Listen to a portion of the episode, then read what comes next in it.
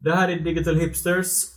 Vi är Nils Sköld, Marcus Johansson och Ola Laurin. Vi jobbar på Ape Group som också sponsrar den här podcasten. Tack till Adventure Off för musiken.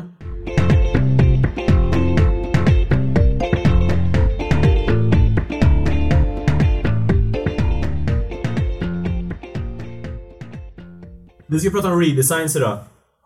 Eh, har ni förberett några exempel? Ja, ja visst. Shoot! Webben är fylld utav redesigns. Både de som är fake och de Just som det. är på riktiga. Ah, unsolicited redesigns. Ja, exakt. Designstudenter. Ja, hela Behance-community. Just det. Exakt. Okej, spännande infall. Det har jag inte ens tänkt på. Det är ju de här, men jag, jag, kommer, jag inte, jag kommer att tänka på den för jag, jag tittade, tänkte lite så här, direkten tänkte jag på Facebook Paper. Man, kan man säga att det, det är inte riktigt en redesign? Okej, ännu ett inspel. Spännande. Nej, det är inte en redesign utan det är ju, det är ju en produkt. Precis. Eh, men som användes liksom som ett... Eh, ja, det var som ett experiment Northstar, nästan. ja precis. Okej, för er lyssnare då som har ett amerikanskt iTunes-konto så släppte Facebook för ungefär ett år sedan en app som heter Facebook Paper som egentligen var Facebook avskalat fast det var mer eh, byggt åt en nyhetstjänst än en vännertjänst. Ja. Jätte så här eh, futuristiskt eh, gränssnitt.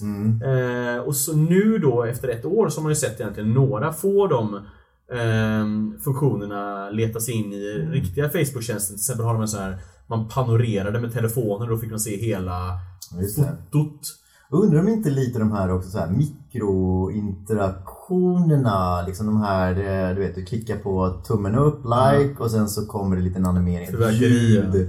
Ja, precis. Twitter gjorde ju det i sin favorite. Det måste de ha ändrat nu som de heter, heter Heart. Ja, Men eh, ja, fan vad nice det var. Jag, okej, visst man är inte riktigt målgruppen för Facebook tror jag men Fan vad jag likade grejer bara för att se den här super nice liksom bara Tummen bara sprängdes och Ja, blev ja. konfetti och Fan vad fint. ja vad fint. Men jag kan förklara lite så hur vi hamnar då. Från där till de här Behance-grejerna, det är ju att det är ofta Mike Matas som, som har drivit de här på Facebook och alltid när han liksom presenterar dem så gör jag ju en väldigt fin paketering. Allting är superslickt. Ja.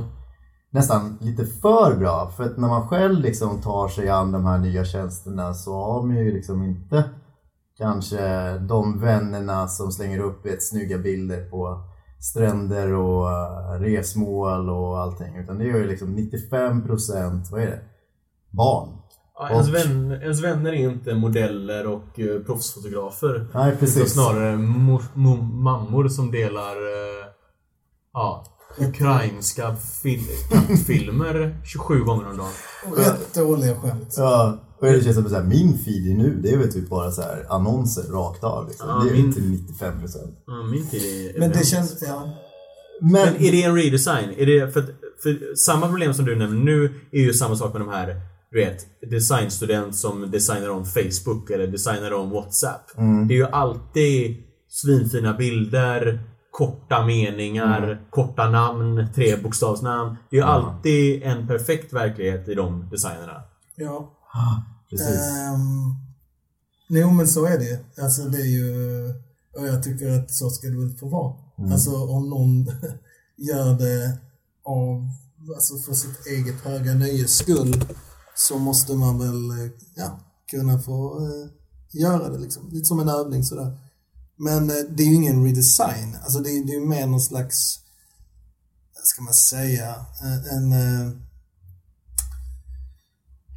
vad ska man säga? Det, det är väl mer att man använder ett begrepp som fler, alltså som många andra redan har ett förhållande till. Det är därför som, det kanske mest var för, säg, men det känns som det var för tio år sedan så skulle allting redesignas av alla. Ja. Och i synnerhet saker som folk hade ett, eh, liksom en relation till. Facebook och det var liksom massa möjliga, alltså Spotify, desktopar, den och alla möjliga eh, saker. Och det är ju för att dels är det roligt när folk känner igen sig och dels är det kul att ja, så här, eh, utmana sig själv med saker man använder Men ja, liksom, det, är det känns ju som att det är väl mer så här, en, en, ett sätt att testa idéer, testa nya verktyg och eh, snarare än en redesign. Ja, absolut, verkligen. För den är ju inte riktigt så här, typ tagen ur verkligheten om man nu skulle liksom, så här, återkoppla till den diskussionen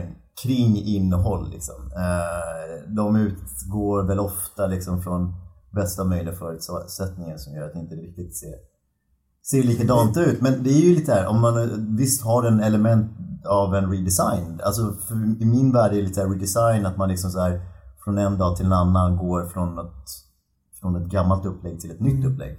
Att det är liksom en hård övergång på Ja men det, det är väl precis, det är väl det som är definitionen här då. Att man tar någonting som finns och sen så gör man det, ja men inte helt nytt, men man gör ett, ett stort grepp. Ja. Facebook har gjort flera redesigns och ja, varje gång de gör det så skapas ju tusen grupper, vi som vill ha tillbaks gamla Facebook-designen. Jag har två Facebook-grejer som Ja. jag vill bara snabbt få ur mig. Eh, Ett. Eh, idag så såg jag att eh, Creative Labs, eh, alltså den avdelningen inom Facebook som, eh, eh, som bland annat är ansvarig för Facebook Paper, eh, den läggs ner. Ehm, det är samma avdelning som tog fram Slingshot, Rooms och en annan app som heter Riff. Eh, men alltså det alla ska ju vara kvar. De han, eh, vad heter han, Mike Matters och så vidare. Det är väl mer att de ska, tror jag. Jag vet inte riktigt vad anledningen är. Det är bara har, har kommit till kännedom att den läggs ner. i alla fall. Den, den skulle funka som någon slags eh, startup inom eh, Facebook. då. Exakt. Ehm, men eh, de har väl identifierat att det kanske inte var så effektivt. Och Paper, vad jag förstått, det har ju inte uppdaterats sedan i mars. Så att, ehm, vissa saker väl letat sig in. Det, det är väl bra för dem att göra provskott. Alltså, för, för det är ju intressant och det kommer vi väl komma till sen liksom. Men det att eh, Facebook har ju historiskt sett gjort väldigt stora redesigns och ändrat mycket. Och det har ju tagits jävligt dåligt emot. Liksom, Ja. så här, change aversion heter ju det. Liksom, att man gillar inte förändring. Eh, och då trodde jag ju alltid att det här Creative Labs var ett sätt att liksom testa massa teorier på en liten... För menar, alla kommer inte ladda ner det. kommer inte vara en miljard människor som laddar ner Facebook Paper liksom. Det måste ju varit 10 000 Nej, det var ju för det första bara begränsat till eh, amerikanska App Store. Precis. Bara där, visst det finns ju många ios -användare. Men det, det är, um, precis, och den cirklar lite in på det, den andra grejen jag ville säga om Facebook. Och det var det här med att förr i tiden, eh, för det känns som det var jättelänge sedan, men vi snackar väl en eh, sju år sedan kanske, så gjorde ju Facebook helt andra typer av redesigns än vad de gör idag. Idag introducerar de snarare features och gör tweaks. Då var det ju väldigt mycket mer dramatiskt. Ehm, man kommer ha ett par stycken. En var väl mer så UI-relaterad. Ehm, en stor sådan. En annan var ju den här uh, redesignen med hur användarflödet. Det är ju ett jäkla uh, hullabaloo. Uh, när de skulle lägga på någon algoritm där som skulle göra rankingen åt den. Det gick ju från att man såg allt Mm, exakt. till att de gjorde ett urval. Och nu så är det väl egentligen inte så vanligt att folk klagar på det tror jag. Nej, men eh, alltså, dels har de väl gjort mycket av det experimentella. Eh, vad heter han som gör eh, Felton? Feltron? Feltron. Ja, han togs ju in. Eh, de tog ju in folk. De tog in här Morgan eh, Allan Knutsen. Som då var ju så här främsta gränssnittdesignen i världen. Då tog de in han bara i så här sex månader, tänk om eh, flödet. Nyhetsflödet. Sen tog de in Feltron och så här bara sex månader, gör en ny eh, profilgrej. Det var ju han som kom på timelinen liksom. Eh, och sånt kanske fortfarande händer men det verkar inte som de gör det. Det är verkligen så här. De har ju De testat nu i tio år, nu har de ju nyhetsflödet. De, gör, de har ju råd och de, de fattar ju att de, alltså de, de kommer ju fortsätta att utveckla eh, saker. Men jag tror inte, alltså de kommer ju inte fortsätta med Creative Labs är väl av den anledningen, tror jag, att de nog förväntar sig att eh, de små ska säga, teamen de har Mm. ska vara mer utforskande kanske.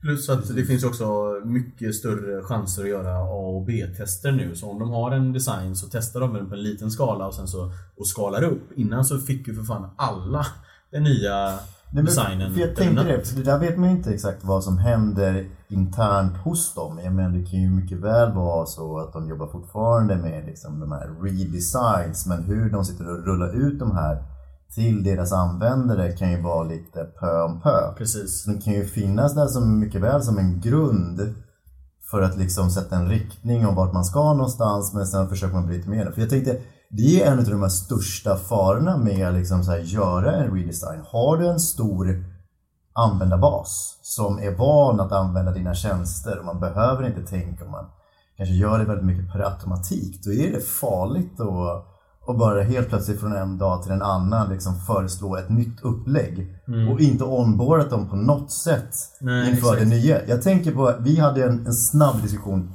om det här innan vi spelade in det här avsnittet om till exempel USA Today som vi, vi blev väldigt imponerade av och hyllade för att det liksom så här var ett, för en gång skulle vara ett nytänk bland, bland nyhetsbyråer att, att våga liksom utmana kanske lite väl gamla designmönster om hur en, en, en, en, nyhetstjänst skulle fun- funka på nätet. Men, men samtidigt som det var kul och uppfriskande att se någonting nytt så var det väldigt svårt att vänja sig vid det nya upplägget. För att det bröt väldigt mycket mot alla konventioner och man fick inte den här mjuka introduktionen till hur man skulle använda sidan. För där var det ju väldigt mycket, vad var det?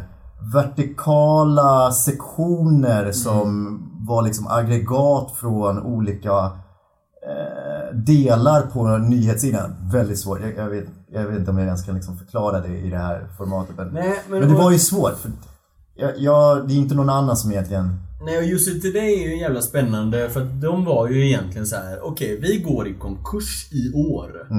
Och så gjorde de liksom ett nytt brand, ett ny design på sin tidning och en helt ny design på webbsidan liksom. Och där var ju uppdraget, gör liksom ett helt nytt sätt att läsa nyheter online. Och det gjorde ju också byrån eh, Fantasy. Ehm, och ja, de finns ju kvar så det måste ju ha lyckats liksom. Eh, Men, men ja, det är jävligt spännande det där för att det känns ju som att, och rätta mig om jag har fel här nu, men det känns ju som de här stora redesignerna, när man gör om allting över en natt, är på väg bort. Ja, jo precis. Alltså det... Ja, det känns Ja. som att det ofta blir en väldigt... Eh, om man inte jobbar iterativt, att det blir en väldigt stor backlash liksom. Att det, det är så svårt. Och det handlar inte egentligen bara om igenkänning UI-mässigt, att användarna får sig en... Eh, alltså blir förvirrade. Det blir en ganska naturlig följd då, första gången man ser någonting. Men också hur, alltså både, eh, kolla lite så, CNN redesignades i början av året och DN för, förra, för förra året. Och det var lite samma sak, det väldigt mycket av, av de här eh, sakerna. Och det, det diskuterar ju vi nu direkt, det är ju just saker man ser. Men väldigt mycket av, eh, ska man säga, barnsjukdomarna på de här eh, sakerna som redesignas är ju främst kopplad till eh, performance. Alltså att de inte är tillräckligt optimerade, det är 500 requests som måste göras, det, de väger oerhört alltså orimligt mycket för att jag ska kunna läsa text på en skärm och, och så vidare och så vidare. Så det är ofta sådana, som säga, osynliga saker som jag tror är en jättestor bov när saker och ting ska liksom, kanske inte stressas ut men man kanske inte har riktigt den eh, betaperioden som skulle behövas för att för att nå en, en, liksom, någonting som folk blir mer nöjda med. Jag googlade CNN redesign och första som kom upp där tror jag det var det är från deras utvecklingsblogg. Och andra resultatet är någon som har skrivit en, ett inlägg som heter Why I hate the new CNN redesign dagen efter liksom. Det känns som det blir, det är nästan, när det blir stora redesigns så blir det nästan alltid en motreaktion. Ja men, ja, men såklart. Det är klart det blir det. Men, eh, ja, men performance som du säger, det tror jag också. Jag läste en blogg ganska, eller en blogginlägg ganska nyligen om Ryanair gjorde ju en redesign för några månader sedan, eller kanske ett år sedan till och med nu. Ja, men... Ja. Den ja. är- ja. Det var väl ganska nytt, eller? Ja, det är okej. Ja. Från en till 12 månader så gjorde de redesign. Eh, och de gjorde ju en massiv jävla... De hade ju eh, ja, men internets fulaste hemsida i princip och nu har de en rätt schysst sida. Liksom. Det är Ja. som SJs beta ungefär.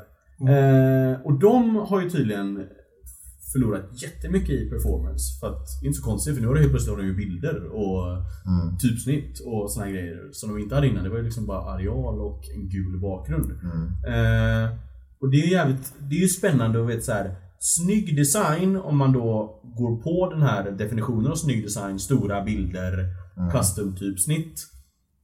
Eh, är det värt det liksom?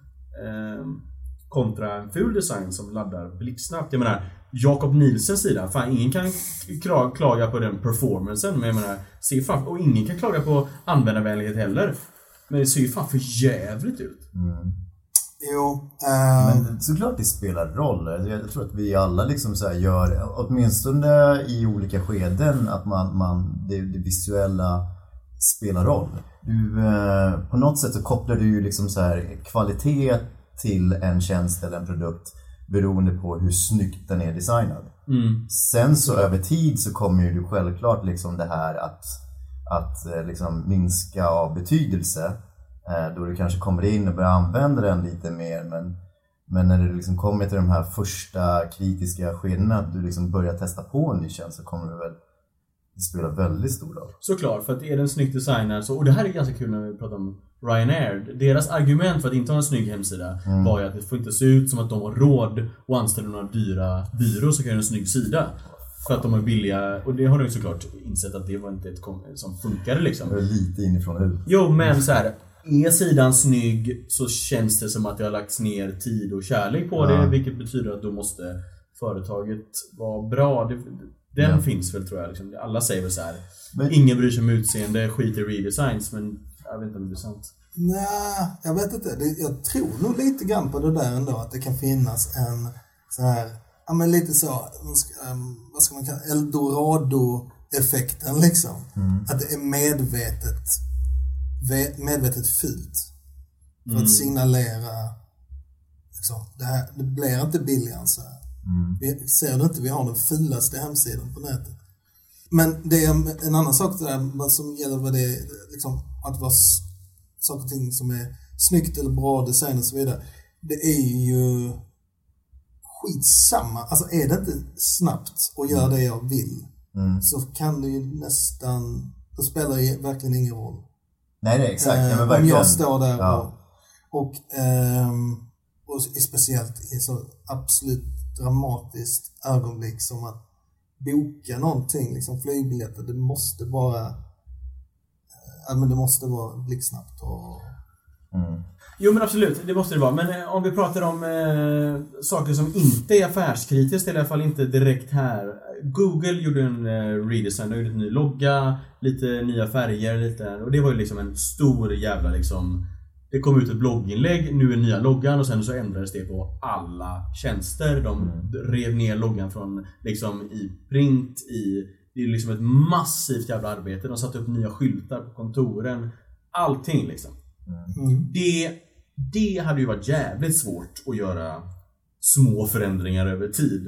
Nej, det, Nej, men det tror jag, det, för det har jag också funderat på, för det skiljer oss lite så här typ att så här, en redesign har man väl sett en trend nu av att det sker väldigt ofta på identiteter i syften med att man försöker hitta designsystem på något sätt så att Ja. man kan man kan liksom få in ett flexibelt ramverk och liksom enkelt kunna skala upp det här men ändå hålla ihop det på något sätt. Det är jävligt intressant. För där har du ju liksom så här, vad har du, vilka som har gjort liksom redesign av identitet och, och designsystem? Google, jag tror att Yahoo har väl gjort det, alla Ja. de här stora har väl Och liksom... Airbnb gjorde det och, de, och nästan alla de här du nämner har ju släppt ju faktiskt en ny hemsida, en ny app Ja. i samband med identiteten. Exakt, men jag tror när det kommer till själva produkten och tjänsten så jobbar man fortfarande väldigt inkrementellt. Ah, just det. Det har du fan rätt i. För där är ju det liksom det farliga med att försöka Just det, liksom byta, förändra beteende. sätt och då måste det se...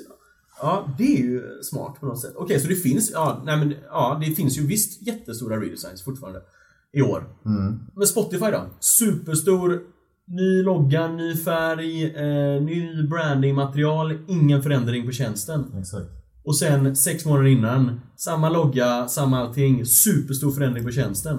Det gick från liksom ljusgrått till svart. Mm. Ehm, bra, eller dåligt? Ja, jag kanske till, jag tillhör nog en väldigt liten minoritet. Men jag har aldrig riktigt eh, gillat det här svarta Spotify.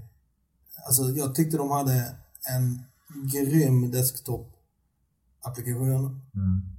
Och jag har aldrig riktigt varit speciellt förtjust i, i eh, iPhone-appen. Uh, iPad-appen däremot är ju ganska trevlig liksom med den här. Eh, men men ja, det, den här- är klurig Det här är liksom. spännande för iPad-appen går riktigt jävla dåligt. Ja. iPhone-appen, alltså här, Jag var på Spotify när de släppte den svarta versionen. Eh, och de var ju, det var ju första projektet som designers drev på, i Spotifys historia. Allt annat var liksom engineering-drivet. Eh, och de hade ju massa siffror liksom så här, det här ska öka lyssningar och sånt. Alla bara, det här kommer åt helvete. Men de ökade lyssning. De ökade alltså akt- aktivitet i och med en, en redesign. Okej, två grejer där. Den ena var ju iPaden. Ja. Jag tror, alltså den går dåligt i jämförelse med vad? iPhone.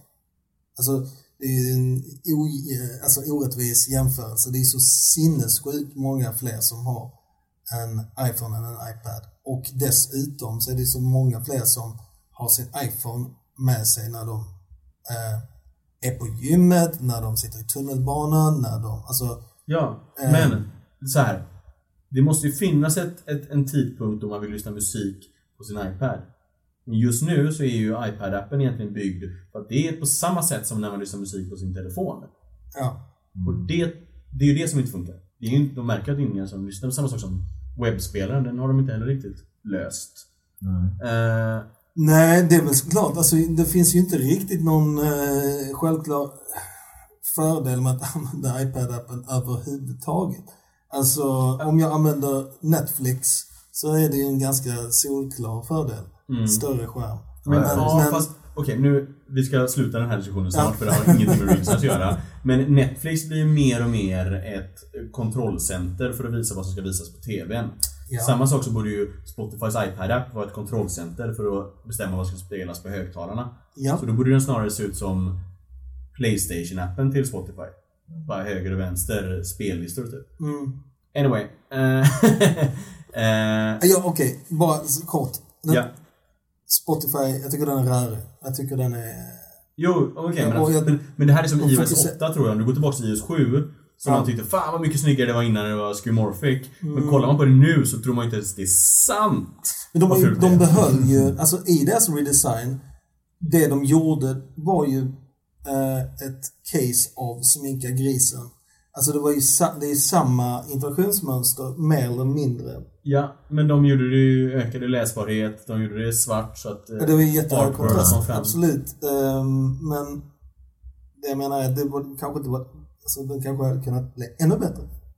Om det var bättre navigation och bättre liksom. Men hade det blivit ännu bättre om de gjort det inkrementellt? Mm, Höjt gråskalefärgen för varje månad tills det blev svart. nej, nej, nej. Alltså vissa saker måste, alltså skulle man till exempel fimpa den här eh, sidonavigationen i Spotify så, så blir det ju en, eh, liksom en dramatisk förändring. Det går Mm. inte att komma runt liksom. Men det tycker jag de ska göra. Mm. Ja, det tycker väl alla. Men okej, jag Och har... lägga jag, fokus på min musik. Jag har... Ah, mm. Jag, jag kan känna så här, typ, de är ändå ganska lika i så här, pr- produkt och, och tjänst. Och, och liksom om, om de är ganska lika varandra liksom, så kommer jag nog alltid dra mig till telefonen. Jag kommer alltid ta upp telefonen. För jag har alltid telefonen närmare mig än vad jag har den i min iPad. Mm. Så att det är nästan så att så här, då borde kanske iPaden vara någonting annat. Precis, det tror jag med. Eh, för att den ska liksom ja, få sitt syfte och komma till sin rätta. Jag vill återgå till redesigns och vi pratar ju väldigt mycket om, inte så mycket om själva redesignsen i sig, det tycker jag vi kan komma in på snart, men utan så här implementationen av redesignsen. Eh, LinkedIn har ju eh, valt eh, egentligen att redesigna en funktion eller en sida i taget. Eh, de har ju... Ja, LinkedIn ser för jävligt ut, det vet alla. Eh, och sen så kom det helt plötsligt en ny login-skärm. Stor bild och eh, stora fält och sådana saker. Och sen så nu har meddelandesidan ändrats för mig i alla fall. Det tror jag för alla. Eh, när man trycker på skriv ett eh, statusmeddelande har ändrats. Det är så små delar som ändras hela tiden. Så man har, ju- det de har troligtvis gjort är att de har gjort en stor redesign internt. Och så har de sagt okej. Och sen har de gjort en lista, på, en, en lista över olika saker som ska förändras. Och sen har de mappat ut över två år. Mm. Fördelen med det det är ju att den inkrementellt blir bättre. Nackdelen är ju att man kommer till en sida som ser konstig ut. Sen kommer man in på en annan sida som ser jättesnygg ut. Eh, så liksom man växlar hela tiden mellan jättefula sidor och jättefina sidor. Det är som du vet när man kommer på en så här tidig redesign av en byrå eller någonting och så står det typ blogg och så trycker man på den så kommer man in till någon, någon, den gamla delen för de har inte hunnit redesigna den. Och man bara, vad fan händer nu liksom? Precis. Nej, men jag har varit involverad i projekt som har varit så. Inte här på Ipgroup, men eh, stor, stor redesign för ett eh, kommunalt bolag i Göteborg. Eh, och eh, där eh, det skedde ett, jättearbete. Men då var det ju så att på grund av olika begränsningar, dels budget men också tekniska begränsningar, så, var det ju tvunget att ske stegvis liksom. Så det skedde liksom så här, men ett, ett halvår var dedikerat till det här och så, så. Men det man upptäckte där liksom efter ett och ett halvt år så var ju det där som man hade gjort för länge, det var ju såklart daterat. Och då hade ju nya möjligheter öppnats upp. Så det blev väldigt snabbt väldigt fragmenterat. Liksom. Att, eh, man, man kunde hitta tillbaka till, till liksom Ja. gamla sidor, nog än idag tror jag, som har den gamla mallarna. Om man jämför det med Google och deras nya designspråk har ju de varit snabbare på att bara liksom applicera det nya på sina tjänster. Ja, men de har också 60 000 anställda. Jo, förvisso. förvisso. Men det... Men det tog ju också ett år. När Se- var det Sergej Brin, när Larry Page kom tillbaka och sa nu ska vi... Nu är det design. Då gjorde de ju om alla sina tjänster.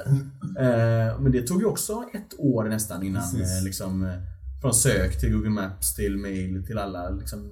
redesign. Jag tror fortfarande Det inte måste vara- Gmail Men, väl men du, du pratar om det här, är det liksom, jag har inte funderat så mycket på LinkedIn, men har de också förändrat viss funktionalitet eller har de bara gjort om? Nej, nej, funktionaliteten ändras på Ja. varje sida liksom. Utan det är nice. På, Ska man skriva typ ett nytt eh, blogginlägg på, då har de ju inkorporerat Puls och alla de här grejerna. Det är snyggt liksom. Det, det är skitbra. Jävligt stark frontend och, och eh, ID och, och form liksom. Men det är bara att se att man, för man ryggar ju till. Man bara, vad fan hände nu? Helt plötsligt är det white space, det är liksom en ljusgrå bakgrund, det är liksom en, en snyggare blå. Det är liksom, allt är förändrat. Man ser knappt att man är kvar på LinkedIn. Och det är bara så här. Ja, det, det är nog smart att göra så. Men jag tror Det är också, konstigt, alltså, jag, nu är inte jag någon expert på att liksom hantera liksom produkter och, och sköta dem, men jag tror att det, det är väl en konsekvens av att, att man, man försöker väl ändå göra någon form av riskhantering där. Att det inte liksom man ska få använda flytjänsten på något sätt och, Mm. Nej. och man ska till att tappa affär. Det, är där de tjänar pengar och så vidare. Då är det ju liksom att vara väldigt försiktig med, med hur man rullar ut det här på något sätt. Så du inte får change aversion. För det är ju en effekt liksom. Det är ju verkligen någonting som, som finns där ute. Folk drar ju sig för när det, när det blir liksom en, en snabb förändring. Ja, och det kan mycket vara så att LinkedIn är uppbyggt kring liksom funktioner så som Spotify är. Liksom en hand om artist, en hand om spellistor, eller man music och sådana saker. Så det kan ju vara så. Men jag menar, en annan grej att göra det inkrementellt hade ju varit så här. okej nu fixar vi till toppnabben. Nu fixar vi till eh, textstilar. Nu fixar vi till bakgrunden. Nu gör vi så här med bilder, att man, att man inte tar per funktion eller per sida utan man istället går på liksom horisontellt och, och, och ändrar liksom olika delar i appen. Precis. Men det där tror jag är så här, det där är synonymt för liksom så här, stora produkter som har liksom en jättemängd användare där man måste liksom vara väldigt försiktig och göra den här riskbedömningen hela tiden. Om man skulle titta på till exempel startups lite mer och liksom folk som är lite mer den här growth-fasen. Ja. De behöver nog inte liksom vara så känsliga för att liksom så här designa om Nej, sina tjänster. Men, men en annan sak som, som de inte har, eh, det är ju en massa legacy. Och det är också en, en grej som vi kanske kan avhandla här, men det, det är också en sån sak som, alltså vid en redesign, det känns ju som att väldigt, väldigt många gånger när man själv har varit involverad så handlar det om att, eh, som när man flyttar ungefär och man har så här eh, vissa lådor som har stått uppe på vinden i den gamla lägenheten. Man flyttar de lådorna upp på vinden i den nya lägenheten. Alltså så här, massa crap egentligen. Som är där av olika, ibland internpolitiska anledningar. Men de, de, det ska bara vara där liksom. Ingen har varit inne där på månader. Så du, du tänker inte teknisk skuld nu utan mer Nej men det, liksom... det är väl mer bara att det, det är som alltså tänk LinkedIn. Tänk LinkedIns alla undersidor. Tänk alltså alla, alltså det är ju gigantiskt. Ehm, och att driva igenom det är ju väldigt mycket större än om jag till exempel har en one-pager. Och en app liksom. Men eh, om, vi, om vi går tillbaks till eh, typ USA Today, har vi några mer riktigt jävla stora redesigns där allt har ändrats? Ja, Airbnb. Bloomberg springs to mind. Just det. Ja. Det här är inte sidor. För sig, Airbnb använde man ju innan. Det kändes ju jävligt naturligt när det kom liksom en ny sida, en ny typ, ny, ny logga. Det är ju en jävla risk man tar. Tänk om det inte flyger liksom. Och så har man ändrat allt. Och när har varit jävligt bra. Okej. Ja, men jag tror så här, kan det där vara lite, om du tittar på liksom så här helt, helt digitala produkter jämfört med produkter som både har liksom ett fysiskt och ett digitalt medium. För, för liksom så här, det känns, nu har jag inte koll på Bloomberg, men det känns som Bloomberg har väl även liksom andra tjänster, allting är inte upphängt på deras webbsida. De kan väl riska lite mer där. Ja, alltså, Jag vet inte, de hade ju sin eh, Endless Scroll som Frog gjorde. Och sen släppte de en ny sida, just det, den hade ju olika scroll eh, speed. Det var ju nice in i helvete. Grejen till vänster gick långsamt när du scrollade. Mitten var vanligt, så till höger gick det skitfort. Det var ju mindblowing alltså. Ehm, Men de är ju också en dashboard jävligt mycket. Ja. Är det jävligt... Eh, Okej, dål, riktigt dåliga redesigns. Alltså jag har, men det är ju inte en riktig redesign. Alltså det som bara slog mig när jag, först när jag tänkte på det, var- det är ju bara ett stort projekt egentligen som bara smälte. Det var det där healthcare.gov liksom. Men det var ju en helt ny tjänst ja, som en annan smällde. Jo, en annan som jag tänker på, det kanske inte, en redesign är väl lite, eh, vad ska man säga, vad ska man säga, det, det, det är nog inte helt rättvist att kalla det för en redesign, det är snarare en rebuild.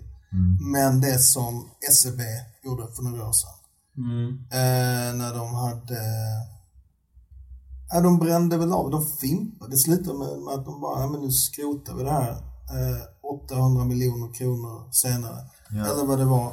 De byggde en internetbank eh, och sen eh, efter ett halvår kom iPhonen och sen så tog de beslutet Vi tror inte riktigt på det här med mobil. Och sen ett halvår senare eller någonting så insåg de Fuck. Och då hade de byggt i, ja, då fick de skrota allt i en miljard ungefär. Men det där var ju visserligen ett projekt som gick åt helvete. Det var ju inte så att de släppte det och Vi har ju branding fails. Gap gjorde om sin logga det. eh, och fick ta tillbaks den. Eh, US Airlines gjorde väl om eh, och som fick supermycket. Men det är ju inte riktigt. Det är ju bara rebrands. Det är så här, en redesign så här stort buller och bång och sen så liksom gick det åt helvete. Ja, det måste ju vara så här performancemässigt måste man ju, det har ju hänt hur många gånger som helst. Ja. Digg. Där har du ju ett eh, klassiskt Ja. exempel. Det, det var ju på en nedåtgående kurva liksom. Mm. Men deras redesign som eh, skulle hjälpa dem bryta den, liksom, den här dödsdansen. Det var ju ett snarare, det är ju spiken i kistan liksom. Mm. Ja, det är sant. För ja, samma sak med MySpace, den var, ju- det var inte så att den gick bra. Eh, utan det var ju så här: okej nu försöker vi Ja. återuppliva. Ja. Men så gick inte det liksom. Nej. Men Nej, den, var, var den inte- var ju knäpp också, eller hur? För det byggde ju på någon Just det slags någon horisontal- Ja, det var riktigt jävla konstigt. Nej, det där är, vad fan, det känns ju som man borde kunna liksom hitta hur jävla dåliga redesign som helst, men det har man ju typ inte. Men då är det så här, vad är en dålig redesign? Det är ju ingen som släpper något som är fulare än vad det var, för de här redesignsen man minns är ju de här stora förändringarna. Då är det ju så här, fuck, vi har inte gjort någonting här i fyra år, det ser för jävligt ut. Det spelar ingen roll vad man gör, då kommer det se bättre ut liksom. Det, alltså om man märker att det här tar väldigt mycket längre tid än vad det gjorde förr. Och man ser också att ja, men, trafiken till den här sajten har dalat ganska kraftigt.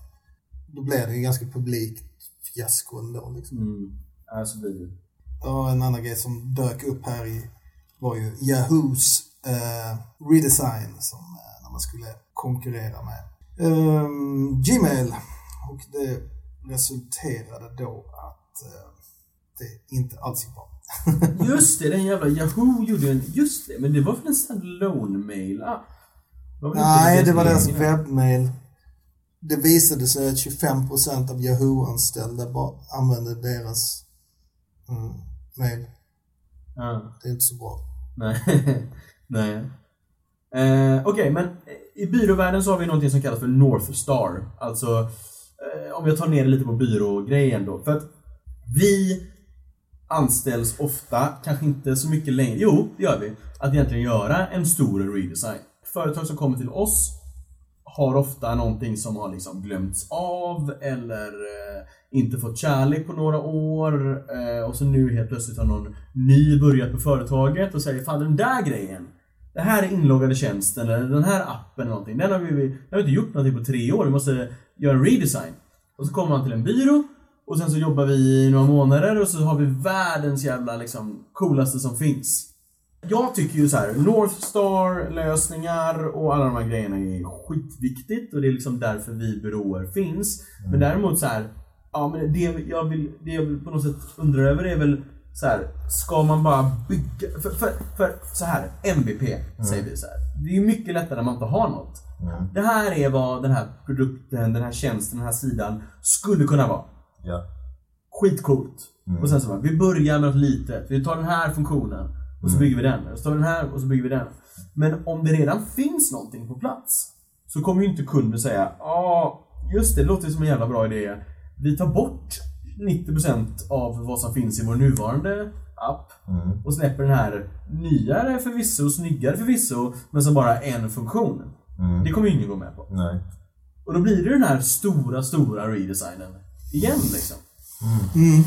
Eh, vad fan ska man göra liksom?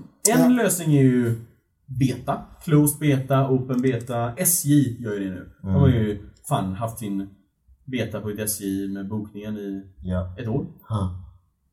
När, när släpps den undrar man ju. Ja, ja, precis. Men liksom... Men vad, vad ska man säga? Vad ska man säga till sina kunder? Vad ska vi... Jag tror en sak som du var inne och eh, nafsade på, eh, det var det här med skälet. Alltså skälet till varför vi gör den här redesignen är superviktigt. Alltså utan den, ingen North Star eller någonting annat. För att bara det här att man har tröttnat på den nuvarande grejen Ja. är ju inte tillräckligt. Det måste finnas mål och det måste finnas en, alltså, tydliga idéer med vad man vill uppnå.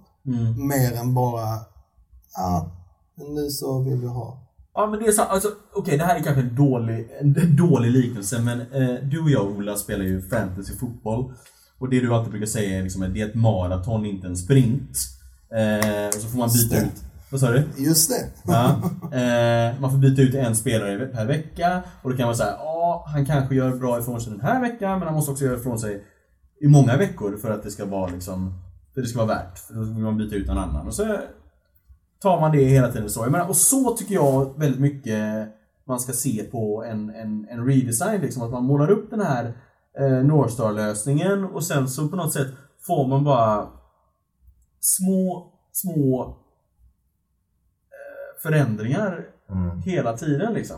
Fast, men det, där, det där tycker jag relaterar till så här, ett annat stort problem. Det är ju att, att, att hur, hur liksom så här, ibland det bara blir liksom utmaningar med att liksom sätta upp projekt och sen ska ta projektet slut och sen ska det in i en förvaltnings liksom, skede där någon ska ta hand om det här inkrementella förbättrarna. Ja. Och det finns inte på plats. Nej. Det finns inte en organisation som kan hantera de här små, små förbättringarna eller som bara håller produkten i skikt. Eller inte att man optimerar den och gör det bättre. Ja. Så istället för att man liksom hanterar det här så låter man produkten liksom så här sakta men säkert igen förfalla Mm. tills man då skapar ett nytt projekt och på så sätt liksom så här drar upp, eh, drar upp kvaliteten på tjänsten. Just det. Och, och, och det där tycker jag är så synd, för det relaterar lite till det vi pratade om så här förra avsnittet där vi pratade väldigt mycket om att, att ha data som ett sätt för att liksom få lite mer, lite mer förståelse om vad faktiskt det är som är fel med en produkt eller inte. För att ofta är det, det, det är det man vill ha som designer. Vi vill ju kunna hitta vad är det för något problem med produkten eller tjänsten. Vad är det för någonting som inte funkar? Det kanske inte är så att det är själva experience-biten, alltså upplevelsen av produkten som det är fel på. Utan det är snarare så att vi inte trattar in tillräckligt många kunder ner i produkten. Det är därför inte de får upp sina, eh, sina monthly users på något sätt. Men eftersom inte väldigt många företag har den här mätningen på plats så måste ju vi oftast gå på experience-biten. Vi, vi, vi kommer ju alltid kunna förbättra en tjänst utifrån ett upplevelseperspektiv. Vi designers. Vi kommer alltid kunna på något sätt liksom hitta hur vi ska tweaka vissa funktioner. Det är liksom det vi skolar i, det är det som vi har vår erfarenhet i. Tråkigt nog så kanske det är inte liksom alltid det som är problemet med en produkt eller tjänst. Svamlar jag nu? Eller är ni med Nej, på... jag vill bara att du ska komma till en, eh, ett svar på din... Ja, ja okej. Så det, det är liksom så här, pro, problemet är ju liksom så här, det, det, det som jag tycker det saknas väldigt mycket, det är ju själva liksom den här hanteringen med produkt efter ett projekt är avslutat. Ja. Hur för, företag ska jobba med de här inkrementella projekten. Men minst lika, om inte ännu viktigare, faktiskt för en produkt och tjänst, att den ska faktiskt leva över tid. Löser man inte det med att bara boka in ett nytt projekt då? Ja, jag tycker så här. Alltså, vi snackade om det lite det här i eh, förra podcasten. Inhouse versus byrå. Och det känns som att det då ofta saknas en eh, sparringpartner hos många kunder som tar de här frågorna och driver dem vidare. Um, alltså, okej, om man tänker så här. Ett, ett företag är väl ofta strukturerat på ett sätt som kanske inte som är bra för företaget. Men det blir svårare för dem att driva projekten vidare för att det, det finns liksom ingen som har det här övergripande ansvaret. Okej, nu ska vi lösa eh, den här uppgiften för vår, våra kunder. Våra kunder vill göra X. Okej, då måste vi liksom se igenom. Det kanske behöver vara tre, eh, liksom IT, ekonomi och ja, någon marknadschef kanske, eller någon helt annan avdelning. Kanske någon kundtjänst behöver vara involverade. Liksom. Men den som driver igenom de här frågorna och liksom ser till att det genomförs, det, blir, det hamnar ju på en extern part. Ja. Och sen så är det, finns det liksom ingen internt som plockar den liksom Kan ta emot den och fortsätta. Utan då, då blir det ofta, för det är också en annan sak att det blir väldigt Ja. politiskt att alla ska tycka till, alla ska ha liksom lika mycket say på eh, en sån här, ett sånt här omtag eller en redesign. Om man utgår lite, lite grann så här internt, hur ska det hur ska vi liksom Ja, få igenom allting? Ja. Och, och istället för att man kanske bryter ner, okej nu våra kunder vill göra de här grejerna Mm. och det inkluderar eh, helt olika eh, avdelningar och liksom Exakt, ja, men det, det, är, det är verkligen det är, Men det är en omställning av företag. Men den som där- orkestrerar det, den finns kanske inte alltid. Ibland så är det någon marknadschef, ibland så är det någon intern projektledare. För, för, det, precis, för en sån person, om vi nu ska relatera till North eh, Star eh, Design-exemplet, den måste ju hela tiden avgöra liksom så här, är det nu så att mottagandet utav den här nya featuren eller den här nya inkrementella förbättringen som är ett steg närmare North Star-grejen, eh, har, har, har skapat nya insikter. Vi fick en, en användarbas som inte reagerade som vi hade trott med den här nya designlösningen. Och då måste man ju liksom så här ta ett hårt beslut. Okej, okay, nu kanske vi måste frångå Northstar-lösningen på något sätt bara för att vi har nya insikter på hur faktiskt folk hur, hur användare beter sig i tjänsten. Exakt. Men okej, okay, okay, så ni är inne så här. Vi gör en stor redesign men sen är det företaget som inte riktigt kan hantera att ta emot en redesign och Nej, eller okej. Finns det ett sätt för oss att jag tvinga så, dem? Eller nej, tvinga, men alltså jag, jag tänker att det är inte helt ovanligt att företag lever kvar i någon slags villfarelse om att eh, okej, okay, nu gör vi den här grejen, nu satsar vi och så kör vi. Och så är det liksom en, en, en engångsföreteelse som man kanske gör vartannat år, vart tredje år. Sprint. Man gör en, men man kanske gör en hel, en, en app. Och så, men, men saken är att det där måste ju mm. leva och utvecklas. Och men det, det, det är då att då kanske de här personerna, eller den personen, när projektet är över, så är det någonting helt annat. Alltså jag, återigen, det, det känns som att det saknas eh, en ägare av, en, av liksom Northstar. Mm. Eh, Kanske detta är ju ett problem även när man gör nytt. Jo. Finns det något speciellt i just liksom redesign? Man tar något som finns och gör det nytt. Precis, alltså det beror ju på också där definitionsfrågan av redesign. För det finns, det är ju en, det är en skala liksom. Och jag tror att det är väldigt mycket enklare för en person som ser det som att nu så, eh, det här är liksom vår silver bullet, den ska fixa allt och när vi är klara med det här projektet så behöver vi inte tänka mer på detta på ett par år. Det är ett sätt att se Ett annat, alltså det är mer, det är nog enklare om man har en person som, som inser att det här är ju någonting som vi måste jobba med kontinuerligt från och med nu. Alltså, och, det, det, och med det sagt, inte att det behöver vara sinnessjukt dyrt, för det blir det oftast inte. Det blir ju oftast dyrare om man tar extrema omtag. Alltså tänk mm. SEB-fallet och det sen fallerar fullständigt och man måste rulla tillbaka. Där om man testar sig fram, man gör liksom hela tiden, jobbar med att hitta ett steg. Men alltså, en, en, en annan sak jag tänkte på, eh, det, det, var så här, det var, jag läste någon artikel om, om just de här grejerna, att vem ska äga de här frågorna? Och eh, många, många menar på att eh, marknadschefens roll är på väg ut och eh, ersätter, ersätts då med någon slags customer director, liksom. Ja. Alltså någon som är kundens röst på eh, företaget och liksom talar för deras behov och sätter visioner och sätter liksom eh, riktningen. Um, och jag tror att det är, det är nog jäkligt... Eh... Ja, men jag tror att det är väl det som kanske kommer göra lite, eh, kommer, kommer att differentiera olika företag framöver. Det är liksom antingen står man lite mer förberedd för den här övergången och, och de här framtida kraven som, som ligger på dem eller så, så har man inte gjort den här omställningen internt och ja, är, är, är ute på lite tunn is kanske.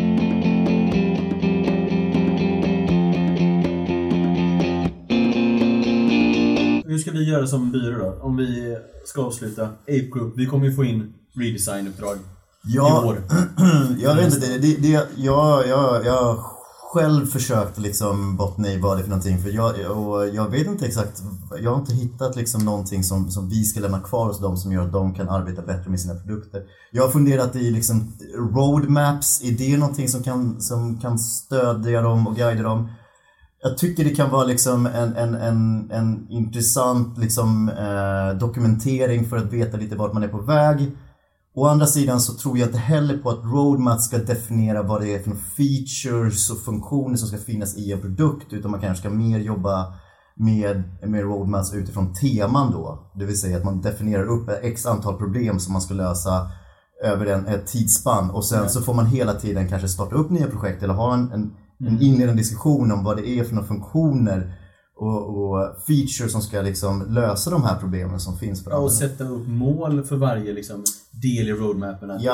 ja. när vi har löst det här problemet, då kan vi gå över till nästa. Liksom. Exakt, och liksom så här, koppla det också till affärsmål liksom, så att det liksom blir viktigt genom hela organisationen och man ser liksom hur organisationen kan växa samtidigt som man bygger en produkt. Det måste ju gå hand i hand. Jag har gjort två redesigns senaste halvåret. Eh, ett, en redesign där vi liksom, alltså bara koncept och Northstar eh, design liksom. Och den första så gjorde vi, som du säger, en roadmap som var kopplat till liksom så här Closed beta, open beta, vi riktar oss mot den här målgruppen, sen löser vi det här för målgruppen och sen så är vi öppna.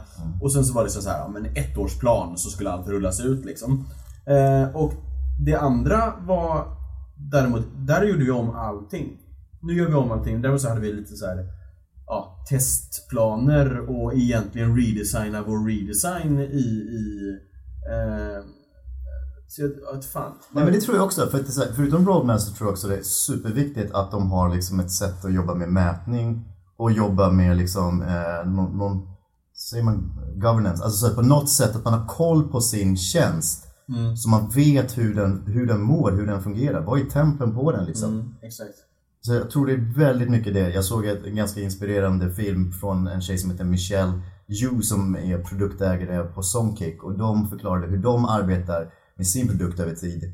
Och, och det baseras väldigt mycket på mätning och de försöker liksom hela tiden åtgärda problem där deras produkt är som svagast. Och på så sätt så kan den liksom underhålla den hela tiden. Och det var ganska spännande. Link kommer i bio. Ja, Bra. Bra. Det är jävligt. Förlåt att jag avbröt dig Ola. Nej, eh, det är lugnt. Oförlåtligt. Jag, eh, I mean, gällande den frågan då, hur man kan arbeta, ehm, så tror jag, alltså bara ett, ett absolut minimum måste ju vara att man har någon slags vision med mål som är nedbrutna då, utifrån den. Bara det här att, okej, jag har en gammal sajt, nu måste den vara responsiv. Det är liksom, visst, det löser ut ett problem, det kan väl diskuteras hur mycket av ett problem det är. Jag tror liksom att det är väl snarare där man... Det är väl grundkravet ändå, att det ska ändå finnas någon slags idé om eh, prioriteringar och... Och sen också en annan sak som jag, som jag har jobbat med en, eh, en hel del, det är väl att bryta isär. Jag tror att många kunder är väldigt öppna för just den här typen av LinkedIn redesign som du eh, snackar om. Eh, det har vi också gjort där man ser vissa typer av eh, funktionalitet som helt autonoma delar. För att man kanske inte har en eh, responsiv sajt. Det skulle innebära ett väldigt stort omtag att eh, göra om allting bara för att man vill, okej just nu så funkar inte det här bokningsflödet. Ja, men då kanske det är, eh, då kanske vi ska peka mot en egen URL som är helt dedikerad bara för bokningsflödet med sin egna design. Just det. Och sen bygga det därifrån. Liksom. Ja, det finns jättemycket saker som man kan Jo, men okej, så, så det är upp till oss. För, lite också, för nu har ju det, det här redesignen vi gjorde, så, så kommer ju en förfrågan då om att vi ska bygga det eller någonting och så, så, så frågar de, ge oss en offert på allt. Mm. Och det vi, eller det jag försöker att få liksom vår, vår businesskille att säga är ju nej. Vi ska inte bygga allt, utan vi bygger bara den här första delen. Och det är jävligt svårt tror jag för en byrå. Jag tror, för det här det är lika mycket byråns ansvar, det här. Ja. Den här inkrementella förändringen. Absolut. Och så, så de bara, åh vi har den här budgeten för år, vi vill bygga allt. Och då, Ja. liksom, så här, då är det klart man säger, bara, fan då, vi vill bygga allt, vi bygger allt. Mm. Eh, det har jag varit med om så jävla jävla många gånger. Så här, du vet, alla bara, är ni med på MVP nu? Bara, absolut! Och sen så bara kom, så snackar liksom kund och några säljare och bestämmer ett... Jag bara, men det var ju för fan, vi sa ju två månaders projekt. Ah men du vet det där. Jag tror Jo. att det är uppe till oss. Så här, våga fan säga liksom Absolut. eh, nej. Absolut, vi bygger inte allt. Ja. Det, det, det, alltså det är ju någon slags dröm att eh, kunna ha ett, ett så här tidigt möte med där man verkligen kokar ner allting. Okej, man hittar sin vision, man hittar sina mål och sen prioriterar de målen och sen så efter det så har man byggt upp en ganska tydlig bild vad som behövs göras. Då kan man ta fram en offert och då kanske man till och med billigare. Man säger att okej, vi, men vi börjar med den här biten. För vi behöver inte göra allt. Det kan vi, alltså när vi väl känner oss nöjda med den här biten och har liksom hittat rätt där, då, först då byter vi ut eh, nästa del. Precis. Men det är klart, det blir ju också ett eh, initialt arbete. Alltså den här första modulen, eller vad man ska säga, den blir ju ganska dyr liksom. Ah, sorry. Men jag håller med, jag håller med fullständigt. Det hade varit en, eh, en bra grej. Sen är det ju vissa så här, verkligheter som, som man fastnar i. Alltså budgetar ska brännas årsvis. Exakt, det ska man ju inte heller sticka under stolen. Liksom så här. Vi, vi går väl alltid in med, med våra åsikter liksom utifrån användarens bästa och produktens bästa och så vidare. Sen så vet vi inte riktigt alltid liksom vad som ligger kanske bakom vissa, beslut kring hur man ska arbeta med produkter utifrån affärsperspektivet. Nej, men jag tror man ska våga lite mer... eh, Absolut. Det är ju som så här, fan, det är ju tjänstefel utav oss liksom om vi inte, om vi inte säger liksom vad vi tycker är rätt och fel. Veckans tips. Mitt veckans tips är en app som är, eh, jag tror den är tre eller fyra år gammal. Den heter Scorekeeper XL. Eh, anledningen till att jag tipsar om den är för att jag såg en eh, film som Ola tipsade om i veckan där den här togs upp som ett exempel på ett så här väldigt bra gränssnitt. Och det är ett jävligt bra gränssnitt. Visst, det är en jätte jätteenkel app. Man egentligen lägger upp namn och sen så kan man eh, egentligen lägga på poäng. Det vill säga om man eh, är ute och spelar dart eller spelar biljard med polare eller har frågesport hemma eller någonting. Det är så här, så fort man behöver sätta in poäng. Men det är så här, det finns en video eh, på Youtube där han går igenom appen och alla designbeslut och det, det är... Ja, det är fan ren perfektion. Varenda funktion har ett syfte och alla sätt man skulle kunna tänka sig att man skulle behöva använda en app där man lägger till namn och skriver in eh, poäng är, är löst. Det är s- en liten, liten app men som är helt perfekt löst. Det är helt absurt. Det är helt absurt. Det är liksom Fulländad lösning. den är, den är fulländad. Den kommer aldrig kunna göra... Ingen kommer kunna göra en bättre scorekeeping-app. För den här är fulländad. Den har ljud, den har eh, eh, färger, den har eh, liksom intuitiva ikoner. Den är... Ja, det är fan sant. Den är fan helt perfekt. Den är sånt jävla Jag ska inspiration för hur vi skulle kunna an... Även om vi gör ett stort projekt. Så hade det varit jävligt intressant att vara så här. En funktion ska vara perfekt. Eh, det hade varit intressant att veta hur lång tid han la på den här jävla... För han gjorde den här som en så här, ja, kul grej, lära sig utveckla. Men fan, det är så jävla bra. Scorekeeper XL. Jag kollade på customer ratings på App Store. 4,5. Fan! ja, det är perfektion. Okej, jag har också ett tips. Har du ett tips? Nej. Nej, jag är ledsen. Jag bryter lite mot... Eh, men jag måste bara säga det Säg här. det. Notion, eh, Notion.so.